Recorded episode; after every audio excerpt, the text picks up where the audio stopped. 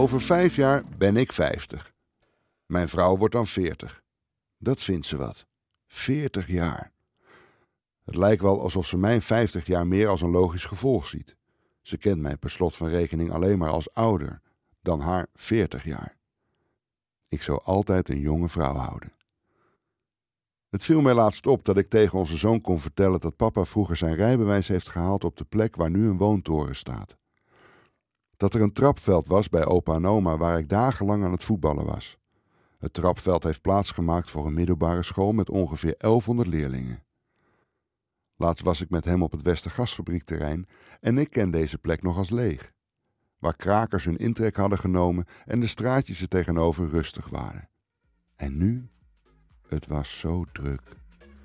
Er was uiteraard weer een festival bezig en dronken toeristen liepen met een fles in de hand over de onder andere Van Halstraat hun weg te zoeken. Arme bewoners. Ik ben benieuwd of mijn kinderen tegen hun kinderen kunnen zeggen: Kijk, hier was het vroeger heel druk. En in dit park stonden foeilelijke huizen. En waar we nu rijden, de A2, kende in zijn hoogtijdagen tien rijbanen. Nu nog maar vier. En bijna geen files meer. Ik ben bang van niet. Wat ooit gebouwd is, blijft en lijkt alleen maar te willen uitbreiden. Zeker in de Randstad. Utrecht en Amsterdam tegen elkaar aangebouwd met een natuurlijke scheiding, een slootje, tussen Maarsen en Breukelen. Ik kijk wat meewaardig naar de toekomstbeeld. Maar hoe wil ik dan dat het gaat? Onze haardkachel moest weer schoongemaakt. Het busje met erop schoorsteenvegers rijdt vroeg onze straat in. Annette heeft schoorsteenvegers nog met een bakfiets zien rijden, beladen met ladders en bezems. Een oude ambacht.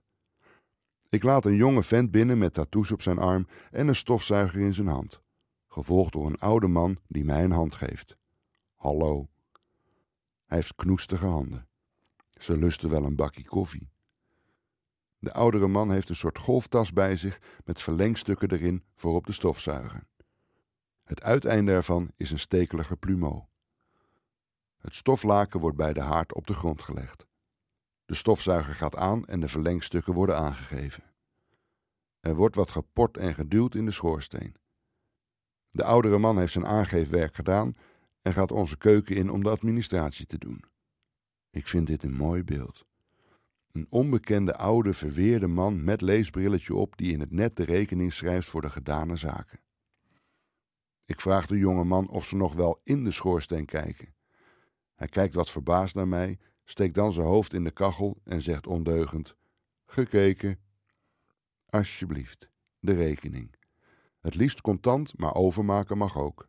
Dat laatste zal ik doen. Hartstikke bedankt voor de koffie en tot volgend jaar. Ze zijn tien minuten binnen geweest. 55 euro. Het geeft een jaar lang garantie. Omgerekend is dat 115 gulden. Toen hij net zo oud was als ik nu, zou dat een prima loon zijn voor een dag hard werken.